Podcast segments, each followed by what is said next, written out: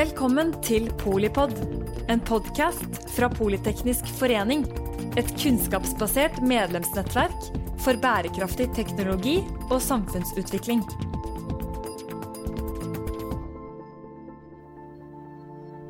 Hjertelig velkomne til denne episoden av eh, Polipod som handler om eh, teknologi som endringsdriver.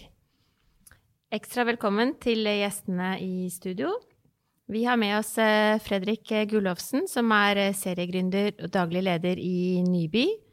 Også kjent fra kolonial.no, Filmgrail, Swipe og Skyfall Ventures. Og listen fortsetter sikkert eh, fremover. Og så har vi med oss Mohammed Rizvi, som er gründer og daglig leder i Asken. Han er også overlege og spesialist i hudsykdommer på Rikshospitalet. Og i tillegg doktorstipendiat ved Universitetet i Oslo. Dagens eh, samtaleleder er eh, Tariq Maksoud, som er eh, leder av Politeknisk forenings Digital Leadership Community, og som også har, er avdelingsleder i Fremtind for automatisering og annet. Hva skal vi snakke om i dag, Maksoud? Ja, Vanligvis her i Digital Leadership Community så snakker vi om ting som opptar eh, ledere og folk i den digitale verden, om det er forbrukere eller ansatte eh, i selskapet. Og I disse koronatider så har det jo blitt ekstra mer aktuelt, for vi jo, har jo aldri vært mer digitale enn det vi er nå. Så med korona som bakgrunn så skal vi ta, høre på hvordan disse to har blitt påvirket av denne krisen, på godt og vondt. Og Bakgrunnen er egentlig hvordan selskaper og institusjoner kan bli mer tilpasningsdyktige ved å bruke teknologi. Det har vi jo sett nå, at de har måttet bli i rekordfart. Eh, og når eh, selskaper jobber til stadighet eh, mot å øke effektivisering og innovasjonsgrad, så jobber de mot å, eh, mot å jobbe mot en um, makskapasitet. Og det gjør dem litt sårbare. Og der òg så kommer teknologi inn og bidrar til en, uh, en motstandsdyktighet og tilpasningsevne. Og det, Bare for noen tiår siden så var det helt utenkelig. Altså, Denne koronakrisen har jo gjort at vi har vært hjemme. Og kan du forestille deg at du satt hjemme for ti år siden uten Netflix? Det hadde jo vært helt umulig. Så det er både en eh, profesjonell aspekt ved dette her, jobbmessig, og en privat og menneskelig aspekt ved teknologiene. Og da skal vi utforske hvordan eh, dere, Mohammed, i Esken, og du, Fredrik, i Nyby, hvordan dere jobber, og hvordan dere har eh, hvordan dere er påvirket av korona, og hvordan dere klarer å tilpasse dere. Så jeg kan begynne med deg, Mohammed. Kan du fortelle oss hva og hvem e- Esken er, og hva dere gjør? Ja. Du kan si at uh, Asken er et selskap uh, bestående av uh, mange hudleger som tilbyr sin spesialistkompetanse til pasienter og til helsepersonell som fastleger, sykepleiere um, osv. osv. Eh, vårt eh, hovedmål er at vi fører spesialistkompetanse, vi fører hudlegekompetanse nærmere pasient og helsepersonell. Så det er liksom den ordet 'nær' som er viktig for oss. da. Eh, og årsaken til at eh, vi har da begynt, altså vi har da utviklet en app da, hvor pasienter kan laste ned den appen, eh, ta bilder av sine utslett, hudforandringer, eh, sår, til og med hudkreft, ta et bilde, sende inn, så blir den vurdert av en hudlege innen 24 timer. Og så skriver vi resepter. Eh, så er det klart at dette er en digital helsetjeneste. Der vi ser at vi ikke greier å hjelpe våre pasienter digitalt, så henviser vi til nærmeste offentlige hudlege for videre behandling. Sånn at øh, Hvis jeg skulle si det veldig kort med en setning, så er det at du har en hudlege i lomma di. Eh, og eh, det er da for pasienter, men ikke minst så ser vi også at øh, mange fastleger henviser til spesialister. til hudlegespesialist. Og når det er opptil ett års ventetid Vi vet at det er mangel på hudleger i Norge, spesielt i distriktene. Nord-Norge eller andre. ikke sant? Og det, pasienter må reise i mange timer. Noen pasienter må ta flytur til nærmeste offentlige hudlege. Eh, og pasienter må vente opptil ett år for å få hudlegetime. Og det ønsker vi å gjøre noe med. Så hva, hva ser dere er Har dere sett noe endring i atferd blant pasienter i, før og etter korona? Ja, det, Vi ser jo en betydelig endring. Eh, generelt så kan du si at det har blitt en global aspekt. Altså global aksept-aspekt. Aksept av eh, En global aksept av digitale helsetjenester. Eh, over 90% av fastlegene har nå video. Det hadde de ikke før korona. Flere og flere pasienter eh, ønsker å ha digitale eh, legetjenester. Ehm, og eh, slik at man går i den retningen. Så ja, vi ser at pasientene er mer eh, eh, aksepterer det mer. Helsepersonell aksepterer det mer. Politikere ser også at uh, digitale helsetjenester det er virkelig noe som uh, man kan hjelpe pasienter med. Um, så ja, vi har sett en betydelig endring. Uh, i, sånn at det vi begynte med, og jeg tror det ville tatt oss i hvert fall ti år å komme dit man er nå i løpet av bare den korte tiden med korona. Et spørsmål til navnet. Hvor, eh, hvordan uttaler man det, og hvor kommer det fra? Ja. Um, du vet at vi um, Navnet uttales som Askin, og det er mange ting som ligger bak dette ordet. Vårt, uh, vi har jo jobbet med et uh, identitetsbygging og merkevareprosjekt i, sammen med et merkevarebyrå som heter Mission, som er utrolig flinke. Og dette var et mange måneders prosjekt hvor vi da fant ut at nå, nå, hvis vi virkelig skal tilby en ordentlig og profesjonell tjeneste til pasienter og til helsepersonell, så må vi ha en identitet. Eh, og også når vi har tenkt oss etter hvert internasjonalt, så må vi ha noe som merkevarer som skaper tillit og, og som skaper gjenkjennelse. Så asken, eh, det er asken, og så er det en apostrof, og den apostrofen står for G. Så asking på engelsk, at du spør en hudekspert, du spør en hudlege. Og så kan du bruke ordet asking, f.eks. a skin expert, a skin doctor, asking about your skin. Du kan leke veldig mye med dette navnet. Og så er det klart at eh, ordet asken er med en spesiell font på A. Så denne A-en er på en spesiell måte. Og, så dette skal være en premium hudlegetjeneste, hvor målet vårt er å ha de beste og fremste hudlegemiljøet i hvert land. Eh, slik at vi er veldig stolt av alle 14 hudleger. Vi blir snart 15 hudleger. Eh, og mange av disse hudlegene har hatt veldig tung eh, både eh, klinisk bakgrunn, men også forskning, og mange av de er fremste på sine fagfelt. Så det er mange ting som ligger i dette navnet. Spennende. Så over til et annet kult navn, Nyby. Hva er det Nyby gjør, og hvordan har korona påvirket dere? Um, uh, Nyby, vi er et team på 14 som har så akkurat like mange faktisk som deres hudleger. Eh, men vi er et eh, teknologiteam da, på 14 som har eh, siden 2015 gått sammen med en rekke norske kommuner. Og så har vi utviklet en helt ny type digital plattform. Og den plattformen den er for å gjøre samarbeid enkelt. For kommuner, for kommuner som ønsker å nettopp få til samarbeid mellom ansatte i kommunen. Det kan være helsepersonell som ser en masse behov ute hos brukere, og som da kan samarbeide enkelt med pårørende, frivillig, ledig på Nav, eh, eh, eh, organisasjoner som Røde Kors osv. Så, videre. så få til et samarbeid rundt velferdstjenester og omsorg. For Du var inne på det i innledningen, så snakket du det liksom om makskapasitet som begrep. og Det er egentlig hele grunnen til at vi har laget Nyby. Det er fordi vi går jo inn i det som har vært en lenge varslet krise, egentlig, som mange kaller for omsorgskrisen pga. en aldrende befolkning. Og Da er det en helt sånn klar enighet egentlig i ja, Norge, Skandinavia og hele Europa og vestlig verden egentlig, at vi må tenke nytt rundt velferdsmodellene våre. For med ny, de demografiske endringene som kommer, så kan vi ikke opprettholde dagens modell. Eh, og da eh, er det jo sånn at det er, ja, det er flere og flere som trenger hjelp, men så er det også veldig mange flere som kan bidra, som i dag ikke blir spurt. Det er jo økende antall eh, arbeidsledige, det er spreke pensjonister, der folk, ensomhet er et stadig større problem osv. Så, videre. så da ser vi, finner vi samfunnet litt i en sånn paradoks. At på den ene siden innenfor helse og omsorg så har du altfor få hender og for mye behov. Og så er du at flere og flere faller utenfor, så du har altfor mange ledige hender. Så det, vi, det, kommuner gjør med Nyby, er egentlig å skape magi der. Da. For da kan man koble alle de behovene med de ledige ressursene, og gjennom det skape egentlig en sånn kjempe-vinn-vinn. Så det er utrolig kult å se kommuner når de begynner virkelig å ta i bruk den kraften.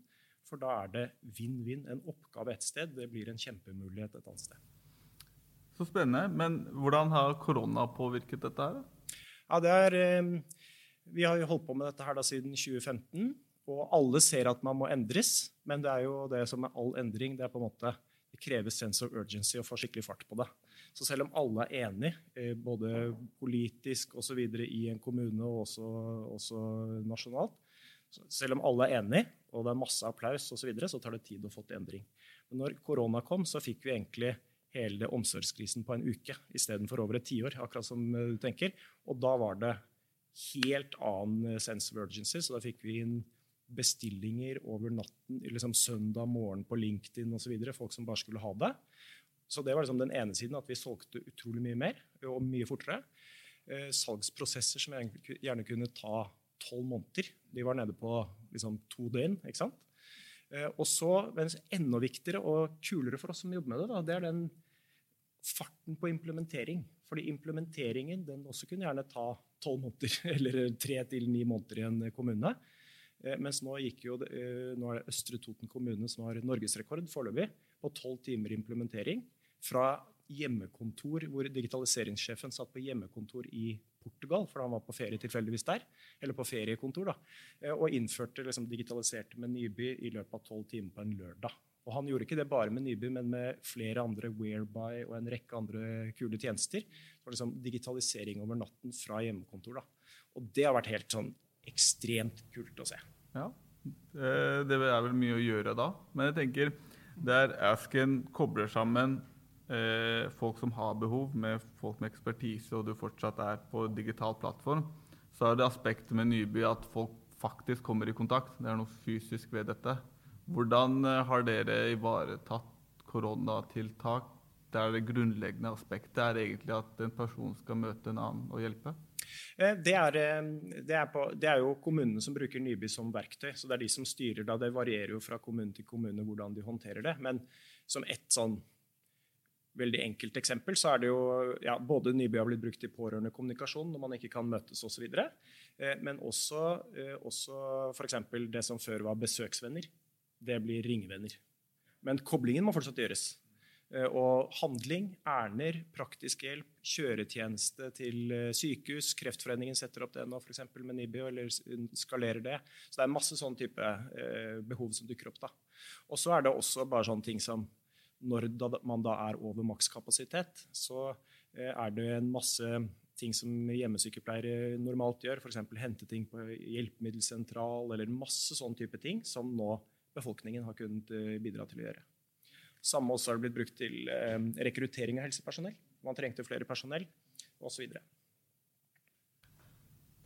Som Fredrik forteller, det er, eh, har hjulpet veldig mot offentlig sektor at krisen kom. Eh, det var vel en oppside at de fikk litt spark i baken. Dere har vel også en flate mot den offentlige eh, helsetjenesten. Ser dere en endring? Ja. Eh, du kan si at hele si, Asken begynte jo egentlig med å Årsaken til at man kom på den ideen, da, var jo fordi at jeg jobbet jo på sykehus, og da så jeg ofte at sykehjemspasienter eh, kom inn til sykehus. Eh, eldre pasienter som har venta i flere måneder, kommer inn med en sykebil og en sykepleier. Eh, har venta flere måneder for en hudlidelse de har, eller leggsår. Eh, og så er jeg som lege kommer fort innom, ser på det, og så er jeg ferdig. Eh, og så skal denne pasienten tilbake, eh, og så skal vente på ambulansen i flere timer før ambulansen kjører tilbake. Og så har f.eks. den sykepleieren gått av skift, så da er det ingen som er der lenger. Og så har de ventet litt til ti på kvelden, så får de en ambulanse. Eh, og mange av disse pasientene kunne man bare ved å se på bildet og få en enkel sykehistorie gjøre, eh, altså hjelpe dem der hvor de er. Eh, slik at det var liksom hele bakgrunnen. Og vi ser at det vi holder på med, er et fagfelt som heter teledermatologi det er da telemedisin i hudfaget. hudfaget er det faget som egner seg best til telemedisin blant alle fagene i medisin. Det er hudfaget og røntgenfaget. Uh, fordi at huden er et visuelt fag, så du får et bilde, og så får du en sykehistorie. Så kan en hudlegen i fleste tilfeller fortelle deg hva diagnosen er, og forslag til behandling og skrive resept. Eh, vi gjorde da en studie som resulterte i en forskningsartikkel eh, som vi har publisert i et internasjonalt tidsskrift. hvor vi greide å vise, og Da har vi en studie med 40 sykehjemsleger og fastleger, hvor vi har greid å vise at 70% av henvendelsene til oss eh, unngikk å møte fysisk hos en hudlege. Så da har vi spart, i denne studien har vi spart 70% av fysisk oppmøte i spesialisthelsetjenesten. Tenk hvor mye man greier å spare den spesialisthelsetjenesten for. Det er det kun på la oss si, ressurser på helsepersonell, men tenk hvor mye vi sparer på offentlige eh, helsekroner på transport. På, Så det er mye du får gjort. Samfunnsøkonomisk, ikke minst. Veldig godt, veldig godt innspill. Eh, sånn at eh, ja, eh, vi håper etter hvert og, og, at Og det har jo resultert i at, sånn som du også var inne på det med forskjellige organisasjoner, det har jo resultert i at vi f.eks. nå har fått en avtale med Oslo kommune, slik at alle sykehjemmene i Oslo kommune, hvis det er noe hud, så vil de ofte sende det digitalt til oss, og så vurderer vi det, og så å, mest sannsynlig så greier vi å løse problemet, og hvis ikke så henviser vi videre. Sånn at, ehm, sånn at, vi tror vi får gjort mye med en sånn type tjeneste. Eh, men det er klart sånn som du sier, at eh, implementering og salgsprosess mot kommuner det tar tid. Og der føler vi at eh, mot kommuner så føler vi at det ofte tar tid å komme inn. Man vet ikke hvem man skal snakke med, hvem som er riktig kontaktperson. Så, virkelig, så vi håper virkelig etter hvert at folk som sitter i offentlige Eh, stillinger, i eh, stillinger som kan eh, gjøre viktige avgjørelser, virkelig ser behovet for et samarbeid med private næringsliv og private helsetjenester, som på en måte kan være med å bidra og løfte folk. Hovedproblemet her er jo at menneskelig lidelse, det kan du ikke måle i kroner. Ikke Hvis det er en pasient som har venta i syv måneder, la oss si at det er jo helt vanlig. Eksem. Veldig vanlig i Norge. Psoriasis. Veldig vanlig leggsår, hudkreft, føflekkreft, kviser. Hvorfor skal en ungdom som har kviser i ansiktet, bare ja, dette er normalt, dette skal du gå med, og så får de arr? Vi kan ikke akseptere det når vi har så gode behandlingsalternativer. Hvor skal, hvorfor skal denne, disse ungdommene få arr? Så, så, slike ting er viktig, og, og det er det jeg sier at menneskelige lidelser kan vi ikke måle i kroner. Og derfor så tror jeg mange ikke tenker på det. Men hvis vi da greier å redusere ok, denne pasienten har eksem eller psoriasis eller kviser, da kan han få hjelp innen 24 timer istedenfor å vente syv måneder for å få den samme kremen. Det er der liksom vi håper at offentlige byråkrater og offentlige folk som sitter i viktigstillingen, kan forstå. Det er bra du er her. For du eh, som hører på og er fra i offentlig sektor, det er bare å ta kontakt med Mohammed da. Ja. Men eh, Mohammed, jeg må spørre deg. Dette her er tross alt Digital Leadership Community. Jeg, har, jeg jobber med AI. Det høres jo ut som at du legger opp til at vi ikke trenger hudlegen på andre sida. Da har du jo 12 stykker, eller 14 var det kanskje. Hvorfor eh, 24 timer? Eh, hva, hvor, hvor, tror du dette bærer hen med AI-teknologi? Ja, det er et veldig godt innspill. og du vet at eh, Alle snakker om AI nå, alle snakker om maskinlæring. og eh, det er klart at det kommer til å komme eh, retningslinjer på hvor langt maskiner, altså hvor langt eh, kunstig intelligens kan gå i å avgjøre diagnostisk, altså diagnostiske kriterier. Hvor langt kan en maskin gå før vi sier at det er det ene eller andre diagnosen? Uh, og det er klart at Folk håper jo sier ja, AI får vi til, men her er det mange ting. Um, sånn at Det vi håper vi får til med AI, fordi han, som, han matematikeren hos oss som har ansvar for teknologien, han er data scientist og har jobbet med AI de siste ti år.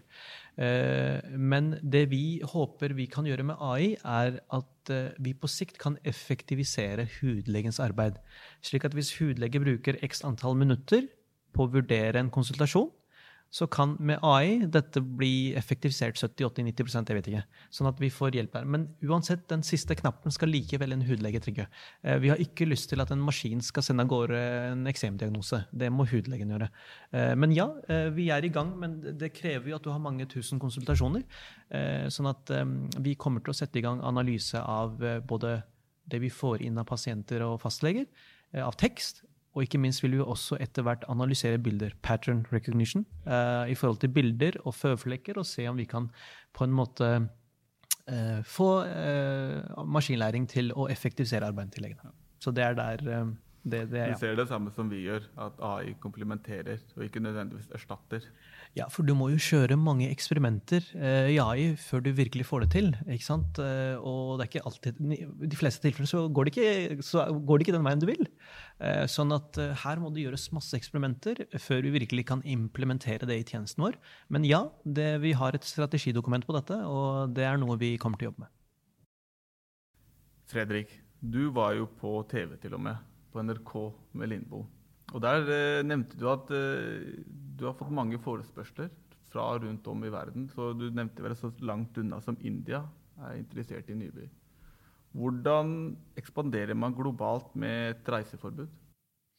Det er egentlig eh, veldig fordel, det. At det er reiseforbud akkurat nå, så lenge vi har videosamtaler. Eh, for eh, i fjor så eh, begynte vi å ekspandere til Sverige. Eh, og da tror jeg vel eh, jeg har logga bare sjøl nå vel over 25 000 km liksom, kjøring i bil. ikke sant? Eh, og masse tog og så videre, og vært rundt på og snakka med mange. Og vi har begynt å få bra traction i Sverige også. Men det, på en måte det sosialt, da, når man kan reise, så forventes det at man reiser. Men nå eh, vi jo, kjører vi jo alt på videosamtaler. Enten det er i Oslo, eller om det er eh, i Bergen, eller hvor det skal være.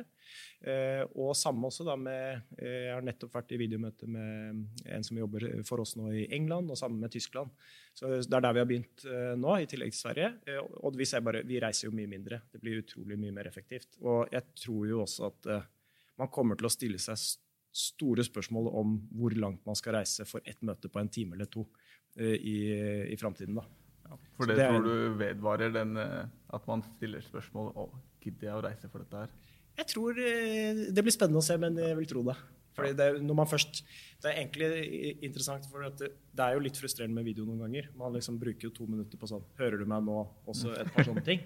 Men så sammenlignet med å kjøre eller fly i to timer, Ja. så er det veldig lite. Så man må på en måte bare ha riktig forventning. Da. Så om man så bruker det 20 minutter på å komme opp og stå ordentlig, så er det utrolig mye tid spart for begge parter. Ja, men det er utrolig hvor fort det har etter hvert begynt å gå. Altså. Nå bruker vi ikke noe tid på å starte et videomøte. Nå er det smack på en gang.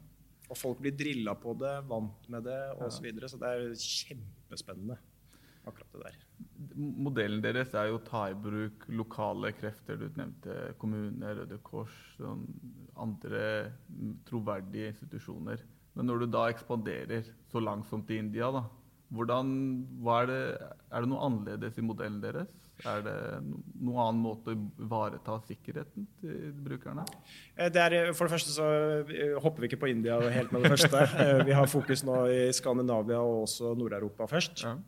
Eh, Men eh, modellen er, eh, er det at Nyby er jo ikke i motsetning til Askin, som har, som har deres egne eh, hudleger som leverer tjenester gjennom teknologi, så er, vi, så er Nyby et verktøy for kommuner og organisasjoner som har da sine egne, eh, sine egne sykepleiere og tilsvarende på plattformen. Eh, og, og Derfor så er det jo de organisasjonene, enten det er kommunen eller om det er Røde Kors eller tilsvarende, som er den institusjonen som kvalifiserer. Så når man da går til et uh, nytt marked, så må man se hvilke organisasjoner er det som er tillitsbærer her, og hvem er det som skal bruke verktøyet her. Så f.eks. Skandinavia så er det kommuner. Samme ser det ut til å være i, i UK. Eh, kommuner og NHS og den type organisasjoner. Eh, mens i Tyskland for eksempel, så er det organisasjoner som Caritas og, og som ligner på Bymisjon og den type organisasjoner som driver sykehus og sånn. Og da er det de som er, eh, er brukeren. Ja. Og Så det er veldig kontrollert ekspansjon. Det Ja. er om å finne lokale samarbeidspartnere før dere går inn i byer da, og kommuner. Ja. Ja. Og det er jo, Nyby er jo et software as a service, så vi selger jo dette som et, som et software til organisasjoner som bruker det som et strategisk verktøy til å mobilisere ressurser som de ellers i dag ikke kan tappe inn i, fordi det er krevende å koordinere. Og Du, Mohammed, du har også nevnt at globalisering har dere tenkt fra dag én. Eller dere har i hvert fall hatt global ambisjon. Hvordan eh, har det blitt påvirka av korona på noe vis? Hva er at, eh, status? Vi har jo hatt en eh, krise i helsevesenet globalt. Eller helsevesenet, alle helsevesenet i alle land har hatt en krise nå.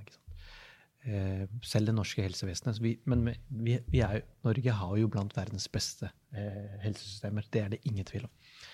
Eh, likevel så tror jeg slike digitale tjenester har vært med på å berge denne krisen. Hadde det ikke vært for den digitale aksepten og hadde ikke vært for den digitale si, omfavnelsen som vi har gjort, så hadde ikke man greid å berge denne krisen rundt omkring. Um, og ja, vi har tenkt på global, uh, å være global fra starten av. Og årsaken til det er at vi ser at det er noe som heter 'burden of skin disease'. Det betyr uh, hvor mye Og det er noe som FN og WHO regner på hvilken sykdom er det som på en måte påvirker en befolkning. Og du kan si 'burden of skin disease', altså byrden hvis jeg får oversatt det på direkte norsk, da, byrden av hudsykdom er høyere enn kreft og og høyt blodtrykk og, og infeksjonssykdom. kan si. Slik at, um, og, og, det er en sykdom, Hudsykdom er ikke noe du, du, dør av. Så det er kanskje ikke derfor at det er så veldig høyt oppe, men likevel det er noe som går på kvalitet løs av livskvalitet av pasienter. Uh, dessverre så er mangel på hudleger et globalt fenomen. I Norge totalt, med en befolkning på fem, eh, rundt fem millioner, så har vi rundt 200 eh, medlemmer av Hudlegeforeningen i Norge. Og blant dem så tror jeg rundt 140-50 som er aktive hudleger. Eh, du var inne på UK. Der er det enda verre. Rundt omkring i Europa mye vanskeligere. Asia enda vanskeligere. For ikke å snakke om Afrika. Og vi ser at hud, alle har jo en eller annen problem med huden. Eller du kjenner en eller annen som har det. Om det er litt av, litt av spedbarn med eksem, atopisk eksem, eller om det er psoriasis, eller om du har hatt kviser i ungdommene, eller om du er uh, middelaldrende og har noen problemer, eller om du er eldre og har sår og hudkreft. Sånn at, og vi ser jo også at uh, økning av antall hudkrefttilfeller jo, går jo bare opp som rakett rundt omkring i hele verden. Sånn at man får mer og mer å gjøre. Og det var veldig interessant, eh, Fredrik, det du nevnte om aldrende befolkning. fordi at nå i helse, hva skal vi si, blant helsemyndighetene rundt omkring i verden, og spesielt i Vest-Europa, vestlig del av, av, verden, så snakker man om 100 years of life. Det betyr man skal planlegge for at folk kommer til å bli 100 år. Ikke sant? Eh, det er det man, UK, f.eks., NHS, som du var inne på, de planlegger det. 100 years of life. Eh, man, man skal bli 100 år nå. Og da, du, da vil jo samfunnsstrukturer endres, eh, arbeidsliver endres, hvordan du ser på helse endres. Da er det ikke lenger at du blir pensjonist og er 67 år. Veldig, jeg så på et veldig interessant innlegg hvor man tenkte ok, når man er 67 år og man planlegger 100 years of life, så er det kanskje rundt 76 år. Så skal du ha en omplassering, så skal du ha ny kompetansebygging, og så skal du gjøre litt mer. Og så skal man liksom gå litt videre. Eh, vi ser jo fortsatt det er mange som jobber når det er 70-72-75, full aktivitet. Og det kommer vi til å se. Eh, man sier jo at 70s er det nye, nye eh, ikke sant? 50, ikke sant? så det er liksom det som er. Men etter hvert som, sånn som du var inne på, at man blir eldre, økes jo også sykdommene. Sånn at, og hudsykdommene, ikke minst. Så det må vi planlegge for. og Derfor er det viktig at man greier å effektivisere helsevesenet. Vi kan ikke drive helsevesenet på samme måte som vi har gjort før. Det, det må endres. Det er veldig mye spennende sånn på samfunnsnivå som har dukket opp i debatter nå i forbindelse med korona. der. Det, men når det er så mange som er ledige, skal man betale folk for å ikke være aktive? Eller skal man heller gi lønnsstøtte eller en form for borgerlønn eh, for at folk skal kunne være aktive eh, allikevel? Så vi har smakt på veldig mange sånn spennende dynamikker. da. Ja. Men igjen, sånn som du sier, det med frivillige. Du har jo, sånn som dere, du har jo mange pensjonister som, som, får nok å gjøre, og da passer jo deres systemet perfekt inn. ikke sant? Hvor, de kan, hvor, dere kan koble opp. Og selvfølgelig så for en pensjonist å føle at han kan bidra med noen, kan hjelpe noen som er syke. Helt fantastisk. Det er jo det også, så var det sånn som du var inne på det med at man kanskje skal ha omplassering og om, liksom lære seg noe nytt når man er 70 og sånn. Men der er det jo spennende å se på også utdanning, hvordan man nå kanskje skal ha mye mer mikroutdanning opp gjennom hele livet. At det blir ikke sånn at du studerer i egentlig nesten 17 år, og så begynner du å jobbe litt, og så skal du omplasseres når du er 70, men du, har, eh, du lærer as you go hele veien. da. 100 years of life, Tariq, det må du merke deg. Ja, Det er jeg med på, men det betyr også at jeg blir pensjonist ved 80. Dessverre. Eh, men Nyby, hvordan ref dette her med tjenester som man kan tilby å få når man nærmer seg 100 år. Men eh, hvilke tjenester er det i korona nevnte du at i disse tider så er det ærender og den slags. Men Hvordan eh, lager dere denne porteføljen med tjenester som er tilgjengelig? Eh, er det, kan man spørre fritt? Dette trenger jeg i dag, eller er det de som tilbyr, som setter grenser her? Eh, det er eh, kommunen eller organisasjonen som bruker Nyby som verktøy, som bestemmer på forhånd hvilke tjenester ønsker vi å organisere. Hvem er det som skal kunne be om disse tjenestene, og hvem er det som skal være ressursgruppene? Så Typisk så starter vi ofte med helse og omsorg, for det er der det blir eh, eh, vi går mot makskapasitet, på en måte, og det er der eh, gevinsten er stor. Start med helse og omsorg, og så gjør en liten kartlegging. Hvilke behov er det som, som kunne vært løst av andre, som dere gjerne bruker tid på i dag? Da dukker det gjerne opp følge til lege, praktisk hjelp, Erner, den type, den type tjenester. Og da bestemmer man ja, hvem er det som skal kunne be om disse tjenestene. Jo, det, eh, det er hvor det er volum, det er ansatte i helse og omsorg, hjemmesykepleiere, de som jobber på institusjon osv. Da har de Nyby på appen sin, og de har disse tjenestene her. Og så går behovet direkte til de ressursene som er kvalifisert for hver enkelt tjeneste. Som kan være andre ansatte, eller det kan være folk som er kvalifisert av Røde Kors, eller Bymisjon, eller et privat selskap for den saks skyld. Eller folk på der hvor vinden blir spesielt stor. Da. Det er hvis det er folk som sliter med ensomhet, eller folk som er langt unna arbeidslivet på arbeidstrening eller tilsvarende, som da kan gå fra å være utenfor eh, til å bli inkludert gjennom meningsfulle oppgaver. Men i, men i dag så er det lagt opp til eh, hjelp og egentlig veldedighet, om du vil. Det er ikke noe penger involvert. At den som ber om hjelp, skal betale den som tilbyr hjelp. Det er også hver enkelt organisasjon styrer. Så det har vært kjempegøy å se eh, nå også i korona. Så det er et eksempel til fra Toten da, som vi aldri hadde tenkt på, men som de sa aha. Vi ser jo nå at vi har masse bønder som trenger arbeidskraft fordi de ikke kan importere eh, folk fra, eller ha folk fra Polen til å eh, gjøre jobben. Så ser de, ja, Da la de bønder på én side som kunne be om hjelp. Og så eh, laget de det de kaller for en liten mini-Nav. Hvor eh, ledige fra Nav og andre som ønsker jobb, kunne gå inn i én pool, og så kunne de snakke sammen direkte, og da er det selvfølgelig betalt. Samme brukes det nå også til eh, ikke sant, Det er masse korps og så videre som ikke har kunnet ha dugnad, eller den type, samme type dugnad osv.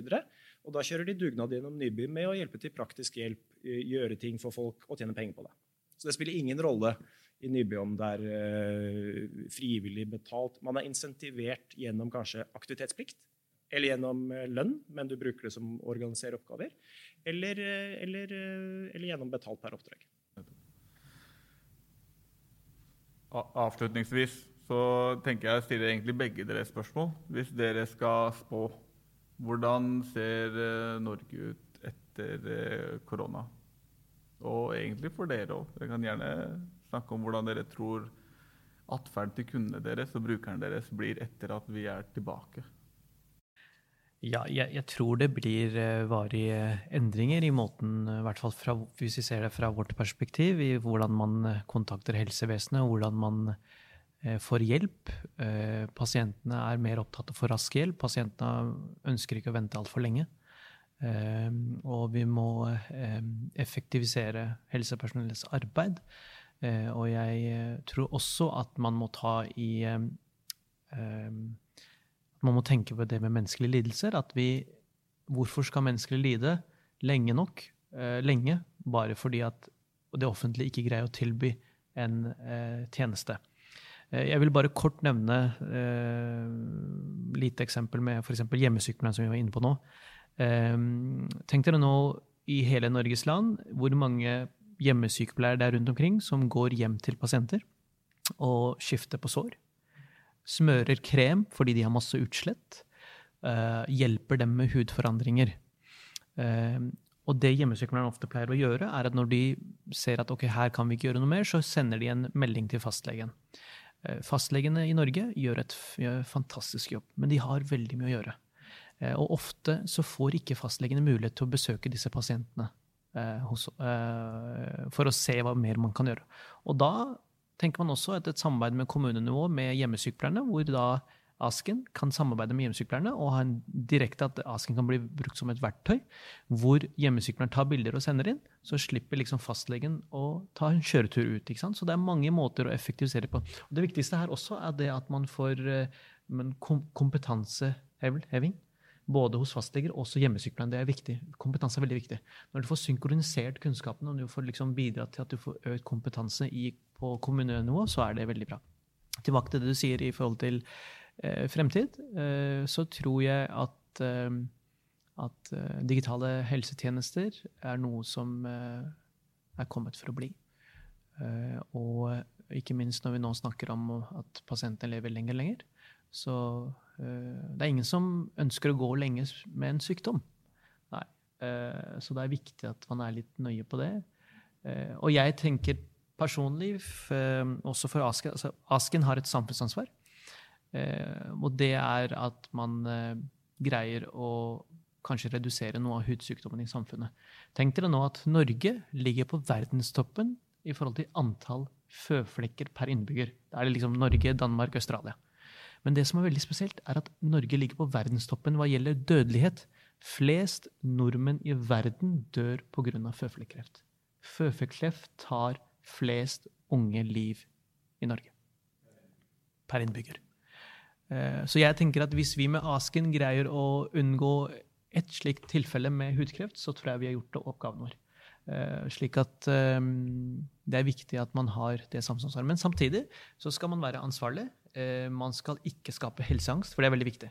Helseangst er veldig viktig at man ikke skaper. Man skal være, Som helsepersonell så har du veldig stort ansvar overfor befolkningen. Man skal ikke drive med noen reklamekampanjer hvor man øker helseangsten, eller hvor man gjør noe som fører til at pasientene blir stressa og må til legen. Det skal man være veldig forsiktig med. Eh, det vi er våre hudleger, det vi tenker, er at uh, har man kontakt hos én gang, og man tenker at ok, dette håndterer man selv neste gang, så da trenger de ikke kontakt oss igjen. Da kan de bare gå til sin fastlege. eller, eller ikke sant? Uh, så, vi er også veldig opptatt av det med kompetanseheving. Men ja, uh, fremtiden er digital. Uh, Pasientene er digitale. Eh, helsepersonell eh, er også nå blitt digitale. Og vi håper jo etter hvert at politikerne og, og folk som sitter i kommunale og offentlige eh, stillinger, også blir mer, blir mer åpne for digitale tjenester. Hvor man også tenker på personlig lidelse hos pasienter, og ikke bare kroner og ører. i forhold til, ja, så Det også er med i beregningen. Hva med deg, Fredrik, du, hvis du skal spå? Er du enig i konklusjonen til Mohammed, eller? Ja, jeg tror det blir jo spennende å se, men det i hvert fall alle, eller veldig mange nå har sett, er at det går an å gjøre ting fort. Alt må ikke ta lang tid. Eh, og det er jo den sense of urgency. Det som vi har sett i hvert fall veldig hos våre kunder, er at vi har sett en annen sense of urgency. Og at det, siden alle har vært i samme situasjon samtidig, så har den læringen mellom våre eh, kommuner den har gått utrolig mye fortere også, fordi alle har vært i samme situasjon i sanntid. Det er ikke sånn at noen har et prosjekt her og noen et der, men det har vært i sanntid. Så det har vært helt fantastisk å se hvordan vi har kunnet koble kommuner.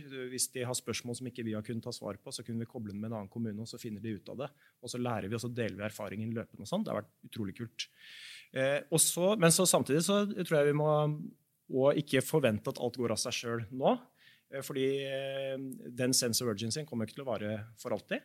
Og der blir det som blir fortsatt kjempeviktig, som har vært vår erfaring gjennom fem år, at det som er kjempeviktig, er at man må forankre endring i ledelsen. Man må få med ledelsen til å etterspørre det, og det må være viktig for dem. De må se klar verdi og gevinst for hva de gjør, osv., og, og, drive det gjennom sånn. Og så er det jo veldig mange som tenker at liksom, digitalisering er bra for digitaliseringens skyld. Det virker nesten sånn, fordi det er så mye snakk om innovasjon og digitalisering og egen, ja, egen greie rundt digitalisering. Og det tenker vi er Mange blir trøtt av etter hvert. Og det blir liksom målet eh, Man ser ikke helt hva er målet og hva er middelet, egentlig. Eh, fordi det man må være opptatt av hvis man jobber i offentlig sektor, eller hvor enn man jobber, egentlig, så må man være opptatt av at eh, brukerne sine eller kundene sine skal få best mulig opplevelse, og at du skal gjøre best mulig jobb. Og da er det jo tilfeldig, og da vil man jo ta i bruk de verktøyene eller prosessene som er best. Og så er det bare sånn tilfeldigvis nå de siste ti årene så er det veldig mange nye verktøy som tilfeldigvis er digitale. og det er egentlig eneste grunnen til å digitalisere. det er hvis det er det beste verktøy i skuffen. Eh, og det er liksom, eh, Hvis man har det perspektivet, hva er best for brukerne, så trenger man ikke å tenke på innovasjon. De, beste av våre kommuner er ikke de som ranker nødvendigvis høyest på at de har flest digitaliseringssjefer og strategi rundt det. De bare ser aha, dette er noe vi kan bruke og skape kjempeverdi i kommunen. Da gjør vi det. For det er egentlig bare et hands on-verktøy. da. Eh, så det er egentlig, Og så tror jeg det er superviktig nå som, også som henger sammen med digitalisering. Det er jo mange også som føler at digitaliseringen kommer, og vi kan ikke Vi må på en måte bare Vi må bare akseptere at alt AI, alt mulig kommer.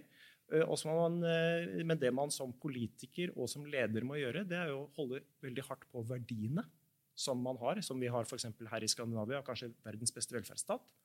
Så må man holde på de verdiene vi har, og bruke digital, det digitale som verktøy for å styrke de skandinaviske velferdsmodellen, og ikke svekke den eller disrupte den. Og hvis vi bare adopterer alt rett fra Silicon Valley, så er det ikke sikkert eh, at eh, de verdiene består like krystallklart. Så bytter du norske drømmen med den amerikanske? Ja. Det vil vi ikke ha. Nei, helst ikke akkurat nå. Takk til begge. Veldig interessant. Og litt uh, god trøst for en som da bare er halvveis i livet etter uh, denne samtalen. Jeg hører enorme besparelser, uh, både menneskelig og økonomisk i helse- og omsorgssektoren, eh, fra den eh, gode nabo til den internasjonale medisinske spesialisten. Veldig kult med to norske startups som eh, veldig raskt har kommet opp med både samfunnsansvarlige og digitale løsninger for et globalt marked av hundreåringer. Så tusen hjertelig takk. I studio så har vi da hørt Fredrik Gullovsen, seriegründer og daglig leder av Nyby. Og vi har hørt eh, Mohammed Rizvi, som er gründer og daglig leder av eh, Asken. Og ikke minst eh, daglig leder av, eller hva skal vi si, eh, leder av Politeknisk Digital Leadership. Og eh, avdelingsleder i Fremtiden, Tariq Maksoud. Tusen takk til dere som lytter, og velkommen tilbake. Takk for at du lyttet til Polipod fra Politeknisk forening. Få med deg flere episoder, eller bli med på nettverksmøtene som du finner på at polyteknisk.